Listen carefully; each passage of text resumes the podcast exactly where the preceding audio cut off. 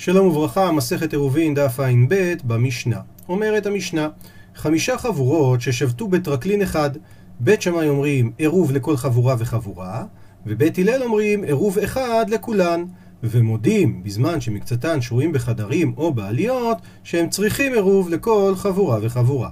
אומר רש"י, בטרקלין אחד, וחילקוהו לחמישה, וכולם יש להם פתח מן הטרקלין לחצר, וצריך לערב עם שאר בני החצר.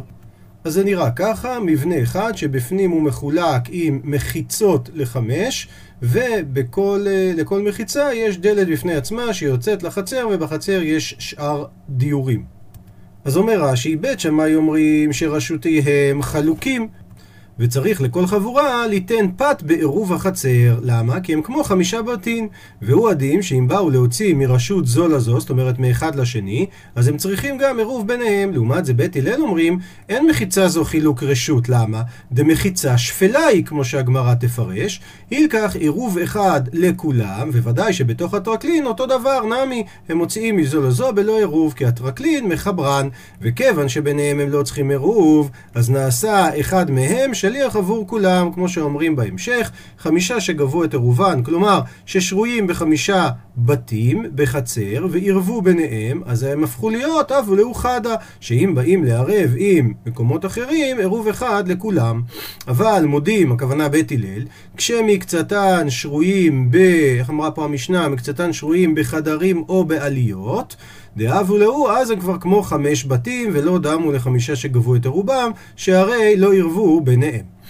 מסבירה הגמרא, אמר רב נחמן מחלוקת במסיפס, אבל במחיצה עשרה, דברי הכל עירוב לכל חבורה וחבורה. מסביר רש"י, מחלוקת כשרשותיהם חלוקות במסיפס, שמסיפס זה מחיצה נמוכה של חתיכות עצים, נמוכה הכוונה פחות מעשרה טפחים, שבמקרה כזה דעתם לבית הלל זה נחשב בית אחד הוא, ולכן הם דומים לחמישה שגבו את עירובם, ואותו דבר כמי שעירבו דמי.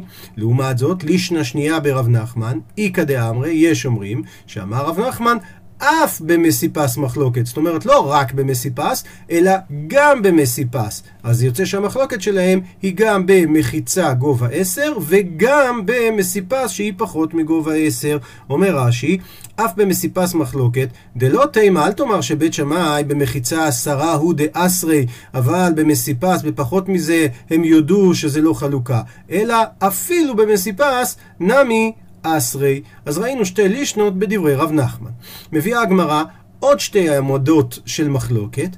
פליגי בה רב חייא ורבי שמעון ברבי. חד אמר מחלוקת המשנה של בית שמאי ובית הלל זה במחיצות המגיעות לתקרה, אבל מחיצות שאין מגיעות לתקרה, דברי הכל עירוב אחד לכולם. ואחד אמר, והלישנה השנייה גורסת, מחלוקת במחיצות שאין מגיעות לתקרה, דהיינו בדיוק הפוך, אבל מחיצות שמגיעות לתקרה, דברי הכל צריכים עירוב לכל חבורה וחבורה. אומר לנו רש"י, שהלישנה הראשונה שאמרה שמחיצות שאין מגיעות לתקרה, דברי הכל זה עירוב, אפילו הם עשרה, דברי הכל זה יהיה עירוב אחד לכולן, אז פליגי התרוויו לישני דרב נחמן. לפי העמדה הזאת, זה חולק על שתי הגרסאות שהיו בדברי רב נחמן. למה?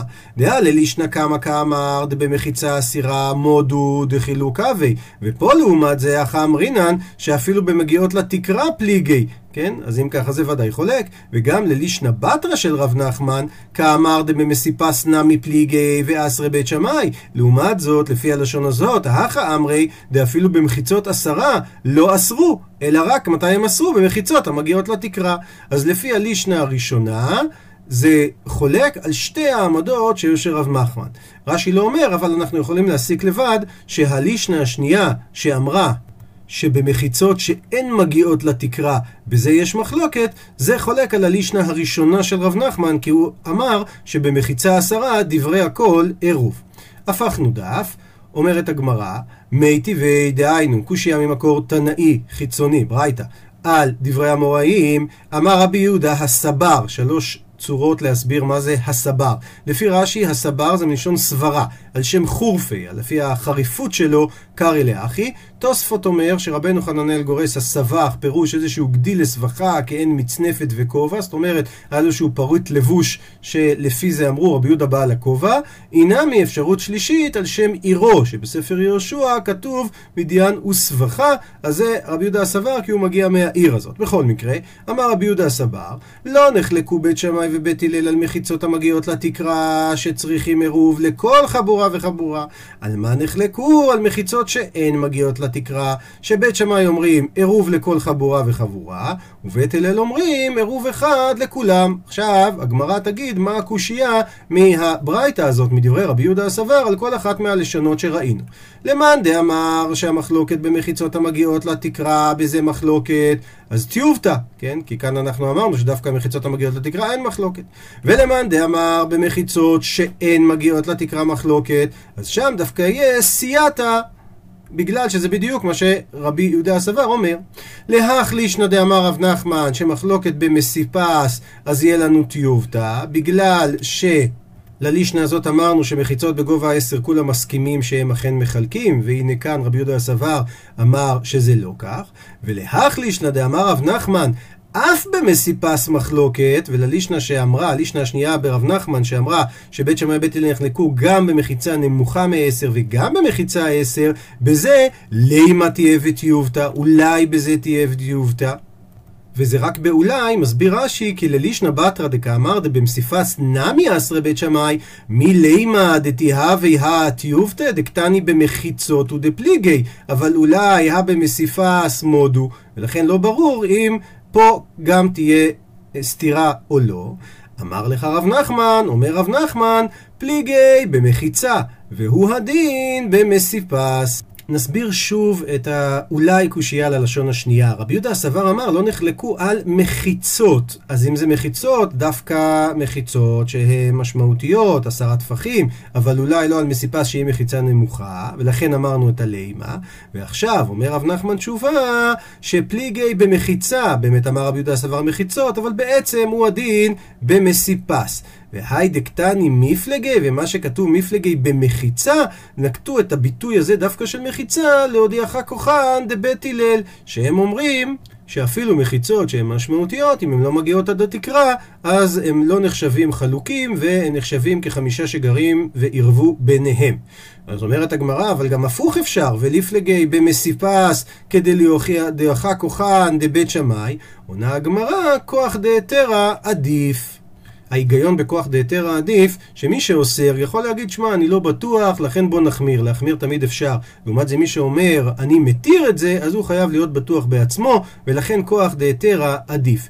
תוספות מאיר, דרך אגב, שאמר רב נחמן, אמר רב, עוד רגע, הנה כאן, אמר רב נחמן, אמר רב, הלכה כרבי יהודה הסבר, אמר על זה אומר תוספות, אף על גב דאות וינן מינה ללישנא קמא דרב נחמן. איך רב נחמן אומר הלכה כרבי יהודה? הרי היה קושייה ללישנא הראשונה.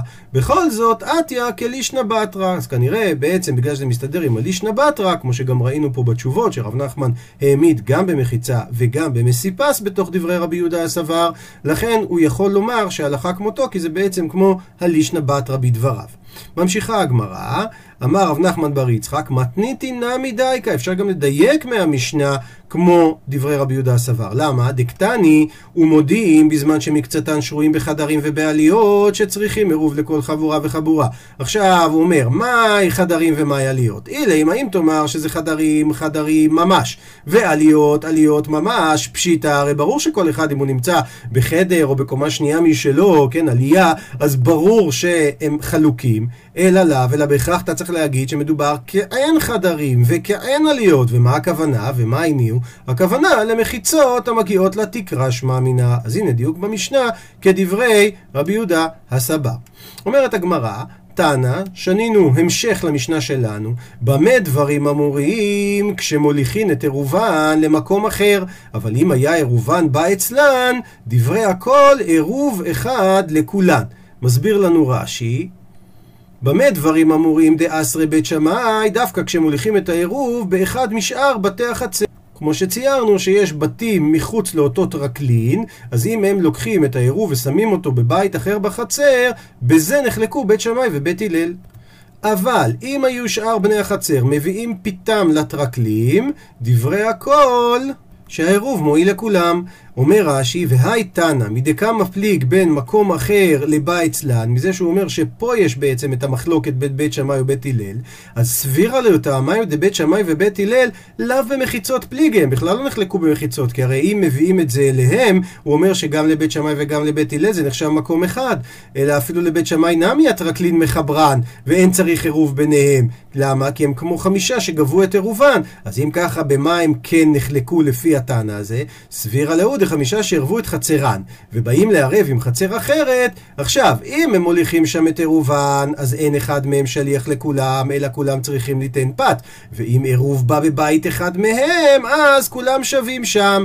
והנח דטרקלין, נמי, גם אלה שנמצאים פה בתוך הטרקלין. כיוון דרשות אחת היא, אז הם דומים לאותם חמישה. דאי לבית שמאי, כי אם תאמר שלבית שמאי רשויות חלקות הם, הרי אם הם לא ערבו, אז מה זה משנה אם העירוב בא אצלם, מה יהווה, למה בית שמאי בזה יודו שהם לא צריכים לערב אחד עם השני. אז לפי התנא הזה יוצא שמחלוקת בית שמאי ובית הלל הוא בכלל לא בדין המחיצות, אלא המחלוקת היא איך אנחנו מתייחסים לחמישה שגרים בחצר אחת ועירבו ביניהם כשהם רוצים ללכת לערב בחצר אחרת. לפי זה שואלת הגמרא כמן אז לה הדתניא, לפי מי הולך הברייתא הבאה, חמישה שגבו את עירובן, כשמוליכים את עירובן למקום אחר, עירוב אחד מספיק לכולם. כמן, אז לפי מי זה עובד? ודאי, לפי שיטת בית הלל. לעומת זאת, איכא דאמרי, יש אומרים גרסה אחרת לאותה ברייתא שראינו. במה דברים אמוריים? במה נחלקו בית הלל ובית שמאי? כשהיה עירוב בא אצלן, ופה יש מחלוקת בין בית שמאי ובית הלל, שבית שמאי אומרים אפילו שהעירוב בא אצלם, הם צריכים לערב אחד עם השני. אבל אם היו מוליכים את עירובם למקום אחר, דברי הכל, דהיינו גם בית הלל אומרים שצריכים עירוב לכל חבורה וחבורה, אפילו אם בתוך חצר אחת, אם העירוב בה היה אצלם, זה נחשב שהם דיירים שלא צריכים עירוב, אם הם יוצאים לחצר אחרת, גם בית הלל יודו שצריכים עירוב לכל חבורה וחבורה. לפי ההסבר הזה, כמאן אזלה, כמי הולך שיטת הברייתא שאומרת חמישה שגבו את עירובן, כשמוליכין את עירובם למקום אחר, עירוב אחד לכולם, יוצא כמאן דלא כחד, כן? כי זה לא מסתדר, אפילו לשיטת בית הלל. אומרת המשנה, האחים שהיו אוכלים על שולחן אביהם וישנים בבתיהם, צריכים עירוב לכל אחד ואחד. לפיכך, אם שכח אחד מהם ולא עירב, מבטל את רשותו, הוא יכול לבטל את רשותו. מתי אנחנו אומרים את זה? בזמן שמוליכים עירובם במקום אחר. אבל אם היה עירוב בא אצלם, או שאין עמהם דיורים בחצר, אינם צריכים לערב. אומר לנו רש"י, השותפים לא גרסין, אנחנו מדברים פה במשנה על אחים בלבד. אז אם הם ישנים בבתיהם, והם ואביהם ועוד אנשים אחרים דרים בחצר אחרת, צריך עירוב לכל אחד ואחד אם הם רוצים לערב עם שני בני החצר, הגמרא תסביר. ואם מישהו שכח, הוא צריך ממילא לבטל את רשותו, כי הוא כמו כל דייר אחר בחצר. מתי בזמן שמוליכים את עירובם לתת אותו באחד מבתי שאר בני החצר. כי הואיל והוזקקו לעירוב, אז תגיד לנו הגמרא, מי גודשאר דיורים אסרי, מזה ששאר הדיורים אוסרים עליהם, אז גם הם, כל אחד מהם, אינו נמי אסרי. ולכן צריכים כולם ליתן פת, הואיל וחלוקים דיוריהן בלינה, ומקבלי פרס הם. דהיינו, הגמרא עוד מעט נראה, שהם מקבלים פרס, פרס במשמעות של מקבלים חלק מהארוחות, זה מין חדר אוכל שלא אוכלים בו, אלא מקבלים את האוכל וחוזרים לבית כדי לאכול, כדמוקי בגמרא, שאין אוכלים בבית אביהם ממש. אבל, אם היה עירוב של כל החצר בא לבית אביהם, אז הם לא הוזקקו לעורוב. למה?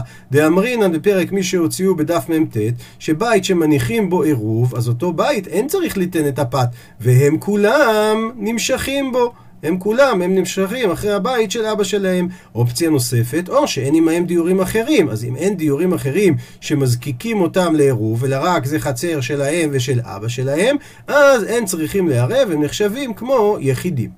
אומרת הגמרא, שמע מינה, לכאורה לפי דברנו, מקום לינה גורם. מסביר רש"י למה מקום לינה גורם.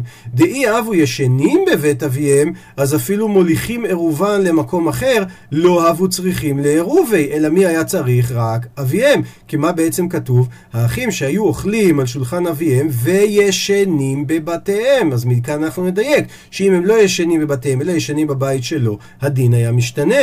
אבל אם ככה, נעימה תהיה וטיובתא, אז אולי זה יהיה סתירה לדברי רב, כי הוא יגיד בהמשך שמקום פיתה, מקום הלחם הוא זה שגורם, והרי אלו אוכלים בבית אביהם וחשבינן לו, ובכל זאת אנחנו מחשיבים אותם כחלוקים, אז אם ככה קשה על שיטת רב. אמר רב יהודה אמר רב, הנה התירוץ של רב, במקבלי פרס שנו, מסביר מקבלי פרס, מדובר על הוצאה מבית אביהם, שהם לא אוכלים על שולחנו ממש, אלא כמו שהסברנו, כך היה המדרב, הם מקבלים את האוכל והולכים לאכול אצלם בבית, ולכן גם לפי שיטתו שמקום פיתה גורם, אז מקום הפיתה זה באמת בבית שלהם.